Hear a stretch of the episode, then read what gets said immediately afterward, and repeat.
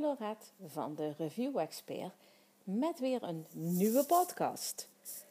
De podcast van deze week gaat over keywords, zoekwoordenonderzoek. Daar wil ik wat over gaan vertellen in deze podcast. Als je een website hebt en je wilt een product verkopen, heb je natuurlijk bezoekers nodig die naar jouw website komen om jouw product te kopen. Hoe krijg je nou die bezoekers naar jouw website? Nou, dat doe je door middel van keywords. Als je een artikel gaat schrijven, dan ga je kijken welke keywords wil ik gaan gebruiken. En je doet dan ook zoekwoordenonderzoek. Nou, wat is zoekwoordenonderzoek?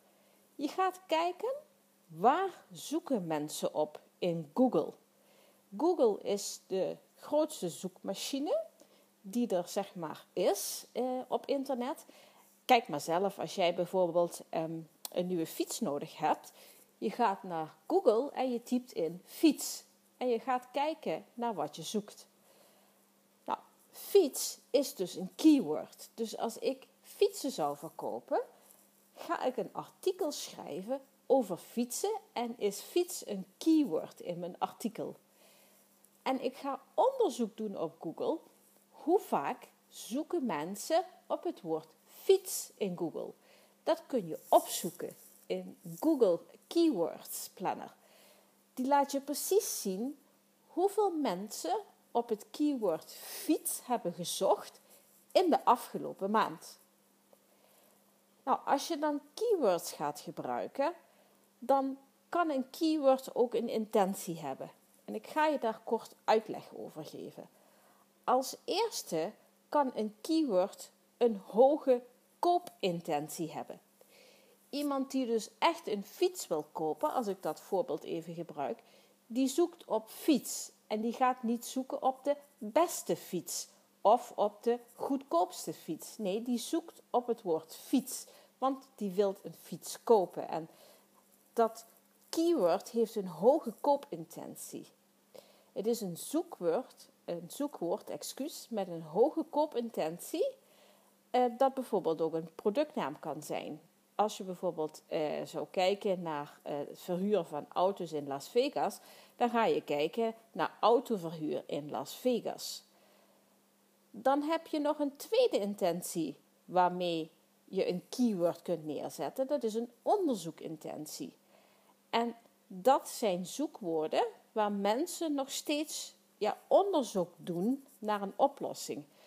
Dus bijvoorbeeld, ehm, als we dan even kijken, ehm, waar zoeken mensen dan op? Dan zoeken ze bijvoorbeeld op uh, de beste autoverhuurder in Las Vegas, om dat voorbeeld even aan te halen. En dan gaan ze dus onderzoek doen, wie is de beste autoverhuurder in Las Vegas? En ja, welke autoverhuurder voldoet het meeste aan voorwaarden die ik stel? Dat is een onderzoekintentie.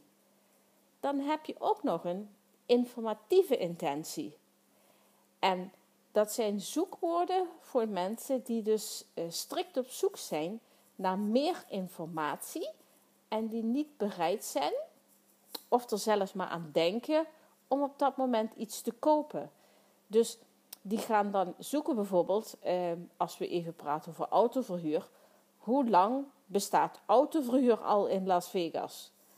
Dus er zijn ja, een drietal verschillende soorten eh, intenties waar je dus rekening mee moet houden als je een artikel gaat schrijven. Je kunt natuurlijk schrijven van, als we weer even teruggaan naar het voorbeeld van die fiets. Als jij een artikel schrijft over een fiets, je kunt schrijven, wat is de beste fiets?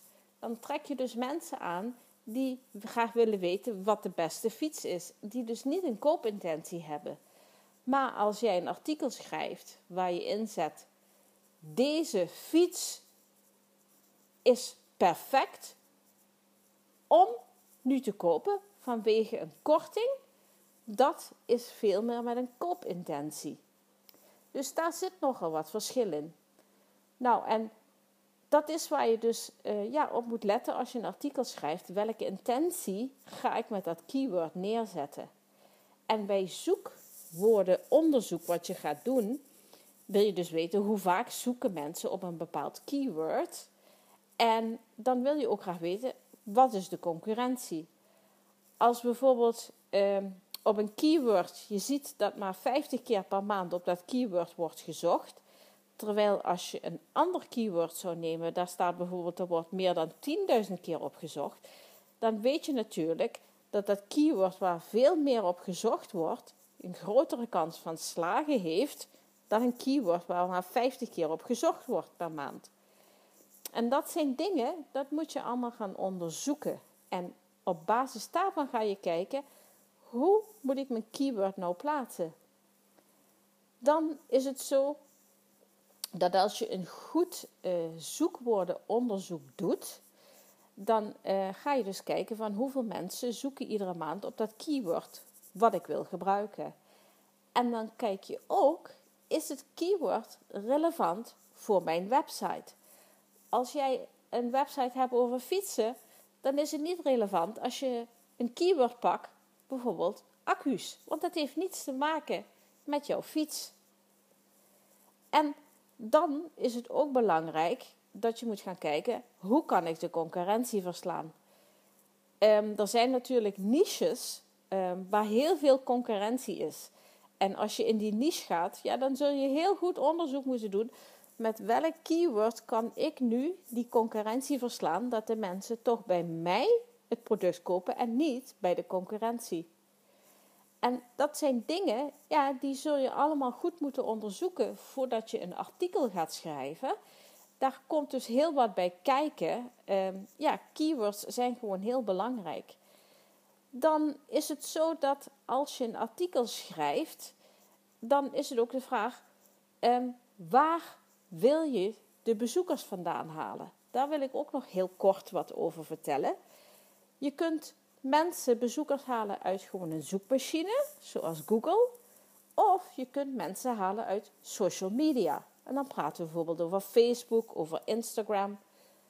Wat is nou het verschil en wat is beter? Een bezoeker uit een zoekmachine of een bezoeker uit social media? Het blijkt dat bezoekers die via Google, dus via een zoekmachine op jouw website komen, meer tijd op jouw website doorbrengen dan iemand die bijvoorbeeld als je een Facebook ad gemaakt hebt, in Facebook jouw ad ziet en naar jouw website gaat. Dat is een veel kortere bezoeker van jouw website dan iemand die via Google komt. Want via Google, als iemand via Google komt, die persoon die is al op zoek naar iets. Daarom is die in Google zeg maar terechtgekomen omdat hij iets zoekt. Op Facebook is het zo dat als die persoon die advertentie ziet, die is niet op zoek op dat moment, maar die ziet die advertentie en denkt misschien: hé, hey, ja, een fiets, ik ga even kijken. Maar die heeft een heel andere intentie als hij naar jouw website gaat dan die bezoeker die uit die zoekmachine Google komt. En het blijkt dat, het is statistisch bewezen dat mensen, bezoekers die uit de zoekmachine Google komen, die blijven langer op jouw website dan een bezoeker vanuit social media. En dan is het ook zo, wat statistisch is bewezen, dat de kans groter is dat de bezoeker uit Google overgaat tot koop van jouw product dan die bezoeker uit de sociale media. Die bezoeker uit Google, zoals ik al eerder zei, die is echt op zoek naar iets. En die heeft dus al een bepaalde zoekintentie. En daardoor is de kans naar een koopintentie dat die persoon dat koopt veel eh, groter dan iemand die bijvoorbeeld vanuit Instagram of Facebook op jouw website terechtkomt omdat hij toevallig een advertentie van je heeft gezien. Maar die denkt misschien, hé, hey, misschien is dat wat. En die gaat dan wel even kijken, maar die heeft 99% van de gevallen geen koopintentie. Dus als je je wilt gaan richten, als je bijvoorbeeld werkt met affiliate marketing of je wilt een product verkopen, is het handig om je meer te richten op de zoekmachinebezoekers, Google, om zulke kanalen te gebruiken, dan de social media. Als je zegt, ja, ik wil echt zorgen dat ik verkopen krijg, focus dan meer op zoekmachines dan op sociale media. Nou, En dan wil ik nog een kort meegeven. Als je zeg maar kanalen uh, wilt waar je bezoekers uit kunt halen, zonder dat het kosten met zich meebrengt, dan kun je bijvoorbeeld denken aan Google. Je kunt zorgen dat je een eigen Facebookpagina hebt, waar je ja, zeg maar artikelen op zet. Je kunt zorgen dat je een eigen Instagram-pagina hebt, een Pinterest-pagina. Je zorgt dat je een eigen LinkedIn-profiel hebt. Je kunt via YouTube, kun je zeg maar bezoekers halen. En je kunt natuurlijk, excuus, ook een e-maillijst opbouwen. En dat doe je door een opt-in pagina te maken op je website. En biedt de mensen dan aan dat ze iets gratis kunnen krijgen. Dat kan bijvoorbeeld een e-book zijn of een lijst met tips. Eh, zo zijn er legio dingen die je als gratis gift kunt weggeven. In ruil voor het e-mailadres van die persoon. En zo kun je dus een e-maillijst opbouwen. Nou, dit was heel in het kort even een podcast over wat zoekwoordenonderzoek en hoe haal ik nou bezoekers en waar kan ik bezoekers het beste uithalen voor het beste resultaat te krijgen. Ik hoop dat je wat gehad hebt aan deze podcast. En als je het leuk vindt, dan zou ik zeggen: luister dan volgende week weer naar onze nieuwe podcast.